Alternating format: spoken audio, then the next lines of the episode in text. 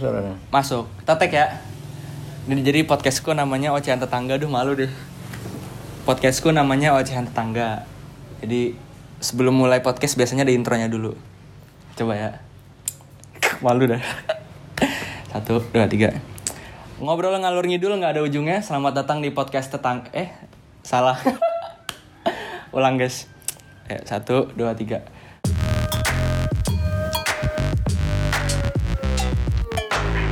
Ngobrol ngalur ngidul nggak ada ujungnya. Selamat datang di podcast Ocehan Tetangga. Itu tepuk tangan. Tepuk tangan. Tepuk tangan, tepuk tangan, tepuk tangan. Cuma om doang. Cuma om doang. Eh, jadi teman-teman gue sekalian, tetangga-tetangga gue, hari ini gue udah sama salah satu orang yang mungkin familiar buat teman-teman sekalian. Ini boleh dikenalkan siapa? Oh, saya Abdul Mukti. Wah ya. Dikenal sebagai siapa? Tergantung sebagai apa dulu. Tergantung sebagai siapa. sebagai sekretaris umum Muhammadiyah atau ketua PSNP Oke. atau apa terserah. Oke, apa terserah. Tapi eh, buat um, Ocehan Tetangga kali ini mungkin kita introduce sebagai orang tua gue aja kali ya. Supaya biar lebih enak juga, biar lebih Ini akrab. Agak kolusi ini temanya. Gak kolusi. Oke, jadi eh, sebagaimana teman-teman sudah tahu, hari ini tema yang akan kita omongin di podcast yang pertama ini, eh yang ketiga ini, eh yang keempat, tapi terhitung pertama karena bersama Bapak. Ini kita akan ngomongin soal pendidikan, karena sebagaimana kita tahu, hari ini Bapak juga kan eh, pekerjaannya dosen, tapi juga beberapa dari mahasiswanya tahunya Bapak cuma jadi dosen doang, padahal proses sebelum itu juga panjang. Nah hari ini kita akan ngulik lebih jauh kira-kira kayak gimana sih pengalaman Bapak selama berkuliah. Mulai misalnya mungkin nanti kita mulai dari S1 Bapak atau mungkin latar belakang Bapak. Atau mungkin nanti kita akan ngomongin juga soal S2 Bapak di luar negeri, siapa aja yang saingannya, terus proses menarik di baliknya dan berbagai macam hal lain yang nanti akan kita kulik satu-satu. Oke. Ini kan temanya soal pendidikan ya. Mungkin buat yang belum tahu, Iya. boleh dijelaskan dulu mungkin Bapak backgroundnya mahasiswa apa dulu? Ya saya ini dari jenjang pendidikan bisa disebut sebagai eh, murid madrasah par excellent. Gitu. Oh, apa tuh? Saya memulai dari madrasah ibtidaiyah, kemudian madrasah sanawiyah, madrasah aliyah, kemudian kuliah di Fakultas Tarbiyah, kemudian S2 di Australia dan S3 kembali ke jalan yang benar ke UIN Jakarta. Wah, ke UIN Jakarta jalan benar tuh. Jadi ya maksudnya kembali ke jalur madrasah lagi. Oh ya. gitu. Artinya bahwa kalau sebagian dari Anda ada yang belajar di madrasah atau bahkan mungkin madrasahnya swasta di kampung, don't worry, nggak usah khawatir bahwa I'm one of them. Saya bagian dari mereka dan ternyata sekolah di kampung, memulai pendidikan di kampung, kemudian kuliah di IAIN Semarang.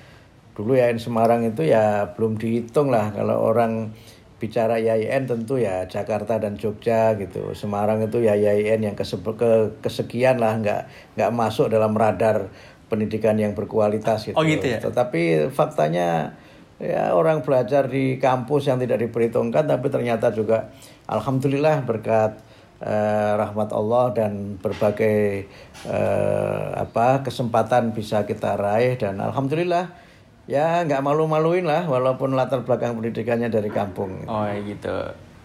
Berarti kalau S1-nya backgroundnya pendidikan, Saya tarbiyah. S1 pendidikan tarbiyah jurusan tarbiyah. pendidikan agama Islam. Oke, pendidikan agama Islam. Tuh buat temen-temen yang nanyain, bapak saya jurusannya pendidikan agama Islam. Kemudian S2-nya di Australia saya ngambil Education Studies, tapi saya fokus pada eh, lebih kepada ini psikologi pendidikan.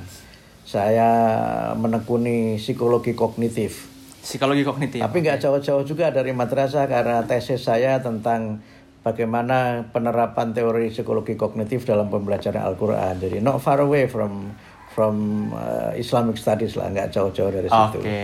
Kemudian ke UIN Jakarta saya ngambil lagi sosiologi tapi sosiologi pendidikan juga. Jadi saya rumah besarnya pendidikan tapi di tengah-tengahnya ada pendidikan agama, psikologi, kemudian sosiologi.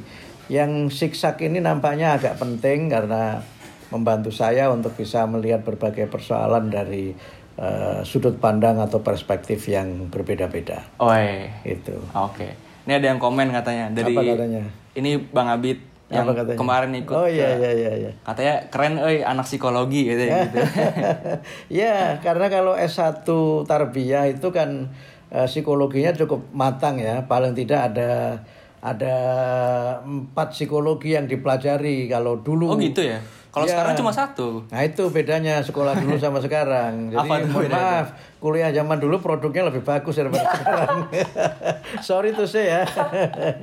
Jadi kalau dulu di tarbiyah itu harus ngambil pertama pengantar psikologi. Oke. Kemudian baru mengambil psikologi umum, Ah. baru mengambil psikologi perkembangan, baru mengambil psikologi pendidikan dan psikologi agama. Malah lima yang harus diambil Itu Semarang tuh. di Semarang. Jadi itu semua tarbiyah begitu. Jadi kalau saya kemudian S2 mengambil major pada psikologi kognitif, saya kira itu bukan sesuatu yang saya lompat pagar, tapi ada Stay on the ada track berarti. dasar-dasarnya ketika S1 itu. gitu. Oke. Berarti stay on the track lah ya pada intinya. Masih, masih, masih, Iya. masih.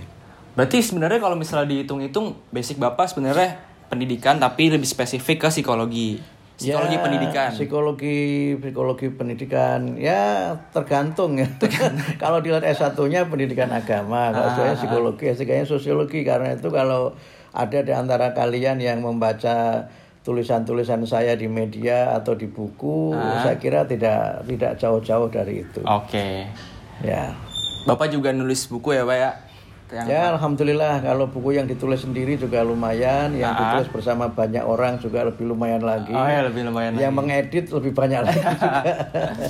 Eh, Alhamdulillah lah kita bisa. Saya kira ini juga poin penting ya bahwa ruang aktualisasi kita itu bisa lebih banyak kalau kita bisa menulis. tuh menulis Dan berarti ya. Saya kira ya dan menurut saya ini juga bukan proses yang datang tiba-tiba. Saya memulainya juga dari perjalanan yang sangat panjang dimulai dari ketika saya masih di Madrasah Aliyah. Oke. Jadi saya sejak aliyah itu, ini yang barangkali kalian tidak tahu ya, saya sejak aliyah itu sudah menekuni dunia sastra. Oh, eh. Saya apa nih? sudah- Sastra saya apa sudah nih? membaca majalah Horizon, itu majalah sastra yang sangat serius terkemuka dan mulai menulis puisi, membaca puisi di radio, menjadi apa presenter untuk acara baca puisi di radio dan sebagainya. Jadi kalau kemudian tiba-tiba jadi guru itu juga agak nyebrang pagar juga. Tapi saya waktu kuliah juga memang aktifnya menulis. Oh gitu. Jadi saya aktif di koran kampus, di koran kampus namanya Amanat di IAIN Semarang. Oke. Dan di situlah saya apa eh, mempelajari bagaimana menulis, kemudian ya alhamdulillah diberi anugerah Allah bakat menulis dan semakin berkembang sehingga sekarang alhamdulillah kalau menulis di koran ya sudah tidak terhitung. Ya kalau honornya nggak usah ditanya ya. iya iya iya. Berarti mulainya dari MI tadi kenal puisi, terus kemudian kenal sastra, terus ma- ma- matang di kuliah Ya, karena ya. ikut koran kemudian kampus. ma- matang di organisasi tentu. Oh iya. Tapi ya saya kadang-kadang juga mulai nulis-nulis politik gitu. Oh, nulis Walaupun tentu saya tidak ingin ya jadi jadi penulis politik karena itu wilayahnya teman-teman yang divisif lah. Oh, iya. saya ingin berbagi rezeki sama yang lain. Tetapi kalau menulis politik biasanya yang masih berkait dengan eh, keislaman dan saya kira beberapa kajian mungkin menarik gitu dan ada yang menarik karena saya terlalu sering nulis politik. Ketika saya cerita bahwa background saya itu pendidikan banyak yang kaget loh saya kira Pak Moti itu politik ternyata pendidikan ya.